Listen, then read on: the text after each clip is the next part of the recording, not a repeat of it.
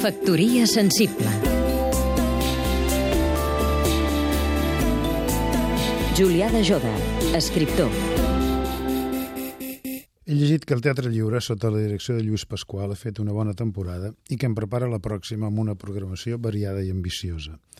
Me n'alegro perquè això implica una major llibertat d'acció i més independència.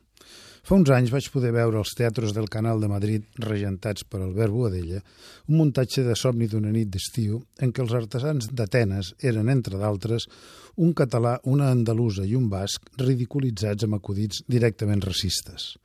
Devia ser la quota a pagar la senyora Esperanza Aguirre, però el fet és que el públic va rebre sense gaire entusiasme la gatada d'en Boadella. Ja dic, millor no dependre del poder. També llegeixo que Núria Espert farà de Rei Lear a lliure.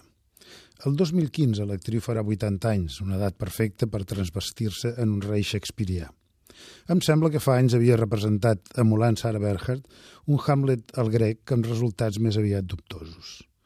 Espert tendeix a la sobreactuació i Lear conté escenes esgarrifoses.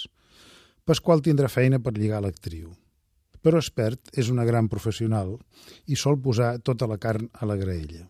Fa uns anys, Ricard Salvat va intentar fer-ne una actriu brechtiana, la bona persona Els Eswan, i Espert se'n va sortir amb prou feines. Però en Pasqual sap treure el millor de les seves actrius. Factoria sensible Seguim-nos també a catradio.cat